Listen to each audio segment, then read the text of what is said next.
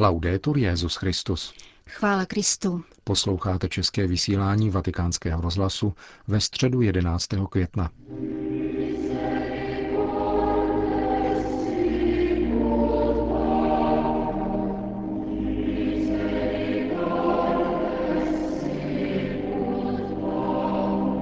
Na svatopetrském náměstí se dnes dopoledne sešlo asi 25 tisíc lidí na pravidelné generální audienci. Ta byla jako obvykle uvedena četbou biblického úryvku. V rámci cyklu novozákonních reflexí o božím milosrdenství se dnes četlo podobenství o marnotratném synovi, či spíše milosrdném otci, jak se dnes častěji užívá. I tuto takřka notoricky známou perikopu Lukášova evangelia papež František podal ve své katechezi z neobvyklého hlediska a vyzdvihl možná nepříliš známé, avšak zcela zásadní akcenty křesťanské víry.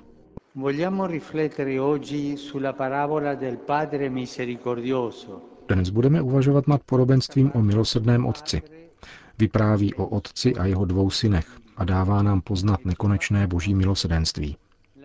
Začneme od konce, tedy u radosti, která plyne ze srdce Otce, jenž říká, hodujme a veselme se, protože tento můj syn byl mrtev a zase žije. Byl ztracen a je zas nalezen. Těmito slovy přerušil mladšího syna, když vyznával svoji vinu. Už si nezasloužím, abych se nazýval tvým synem. Tato slova jsou pro otcovské srdce nesnesitelná a proto hned synovi vrací znaky jeho důstojnosti, nejlepší šaty, prsten a obuv. Ježíš nepopisuje uraženého a nevraživého otce, který by synovi říkal, to mi zaplatíš. Nikoli. Otec jej objímá. Očekával jej s láskou. Jedinou věcí, která otci leží na srdci, je naopak to, že jeho syn stojí před ním živ a zdrav, což jej činí šťastným a radostným. Přijetí vracejícího se syna je popsáno dojemně. Když byl ještě daleko, otec ho uviděl a pohnut soucitem přiběhl, objal ho a políbil. Jaká něha? Viděl jej z dálky. Co to znamená? Znamená to, že otec jej neustále vyhlížel, pozoroval cestu, zda se syn nevrací. Onen syn, který se toho tolik navyváděl, byl otcem očekáván. Otcovská něha je překrásná. Milosedenství otce je překypující, nepodmíněné a projevuje se dříve, než syn promluví. Syn zajisté ví, že pochybil a uznává to. Zhřešil jsem, vezmi mne jako jednoho ze svých nádeníků. Tato slova se však v otcově odpuštění rozpouštějí. Obětí a polibek tatínka dá synovi na srozuměnou, že byl vždycky a navzdory všemu považován za syna. Toto Ježíšovo učení je důležité. Náš stav božích dětí je plodem lásky Otcova srdce. Nezávisí na našich zásluhách či skutcích, proto jej nikdo nemůže odejmout. Ani ďábel. Tuto důstojnost nám nikdo nemůže vzít. Toto podobenství nám dodává odvahu, abychom nikdy nezoufali. Myslím na maminky a tatínky v úzkostech, když vidí, jak se jejich potomci vydávají po nebezpečných cestách, Myslím na faráře a katechisty, kteří se někdy možná ptají, zda jejich práce má smysl. Myslím však také na toho, kdo je ve vězení a má dojem, že jeho život skončil. Na ty, kdo přijali špatná rozhodnutí a nedovedou hledět do budoucna. Na všechny, kdo hladovějí po milosrdenství a odpuštění a domnívají se, že si jej nezasluhují. V jakékoliv životní situaci nesmím zapomenout, že nikdy nepřestávám být božím dítětem, synem otce, který mne miluje a čeká na můj návrat. I v té nejohavnější životní situaci mne Bůh očekává, Bůh mne chce obejmout, Bůh na mne čeká.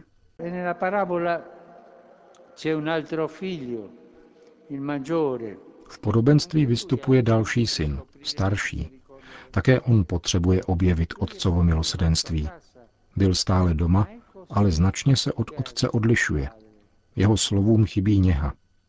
Tolik let už ti sloužím a nikdy jsem žádný tvůj příkaz nepřestoupil, když ale přišel tenhle tvůj syn, slyšíme zde opovržení.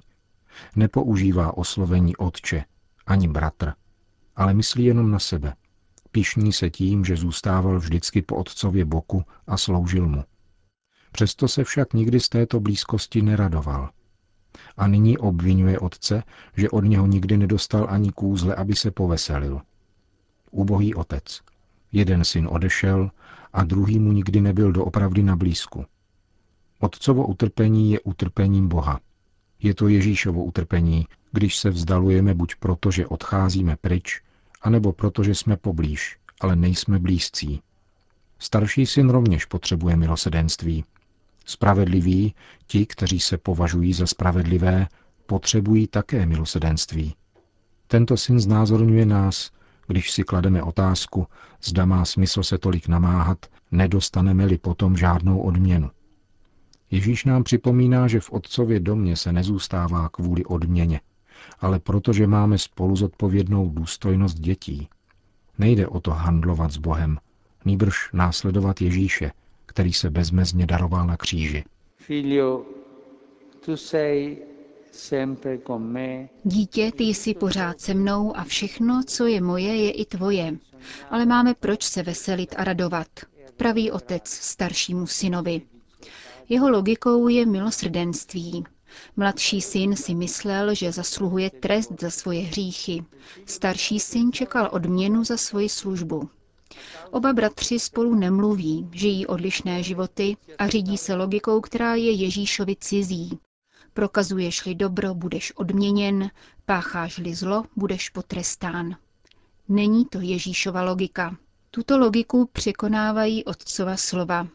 Máme proč se veselit a radovat, protože tento tvůj bratr byl mrtev a zase žije.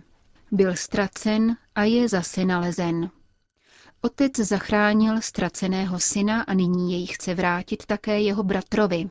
Bez toho mladšího přestává i ten starší být bratrem. Největší radost otce spočívá v tom, že se jeho děti považují za bratry. Děti se mohou rozhodnout, zda se spojí v otcově radosti, anebo odmítnou. Musí se ptát na svoje touhy a přání, která v životě mají. Podobenství je ponecháno bez závěru. Nevíme, jak se rozhodl starší bratr. To je pobídka pro nás. Toto evangelium nás učí, že všichni potřebujeme vejít do Otcova domu a mít účast na jeho radosti, oslavovat milosedenství a bratrství. Bratři a sestry, otevřme svoje srdce, abychom byli milosrdní jako Otec.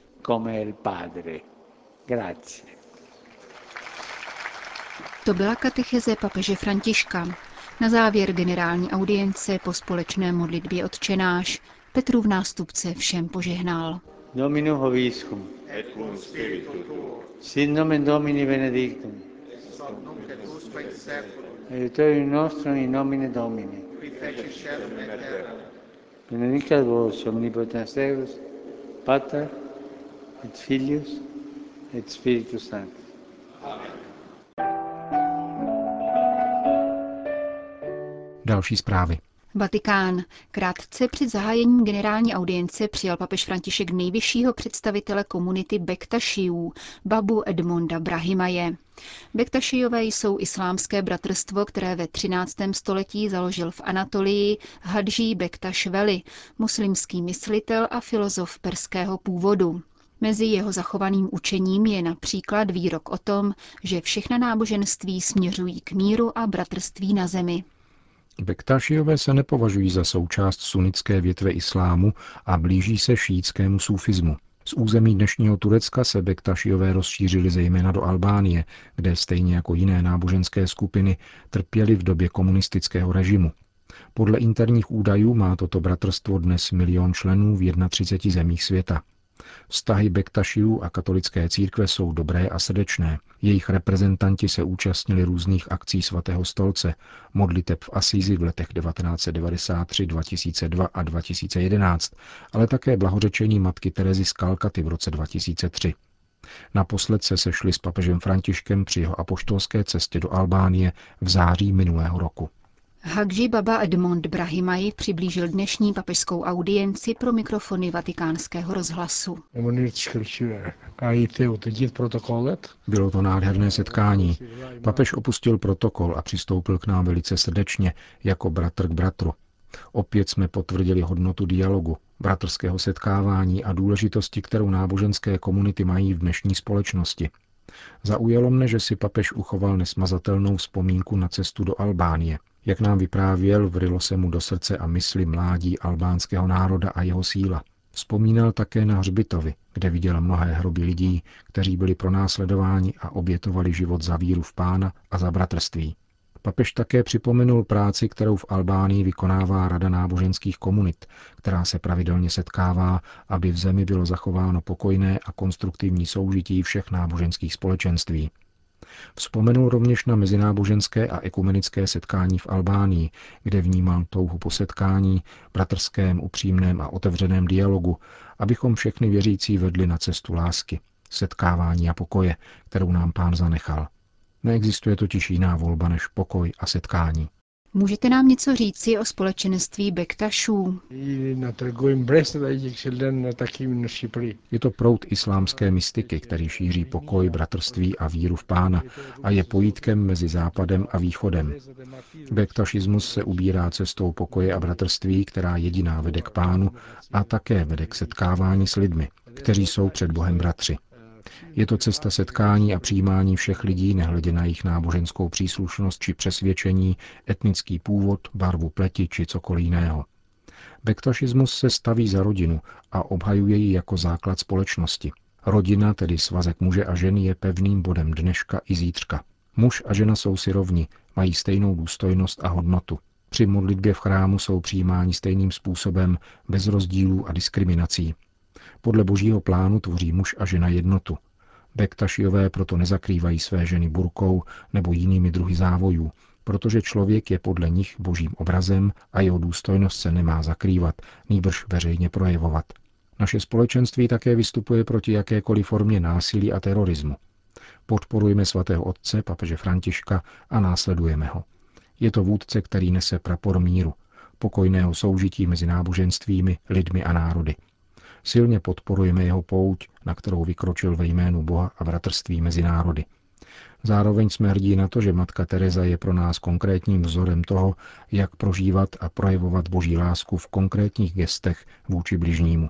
Využívám této příležitosti, aby všem popřál pokoj a dobro. Uvedl po dnešním setkání s papežem Františkem baba Edmond Brahimaj, který od roku 2011 vede Světové združení Bektašiů.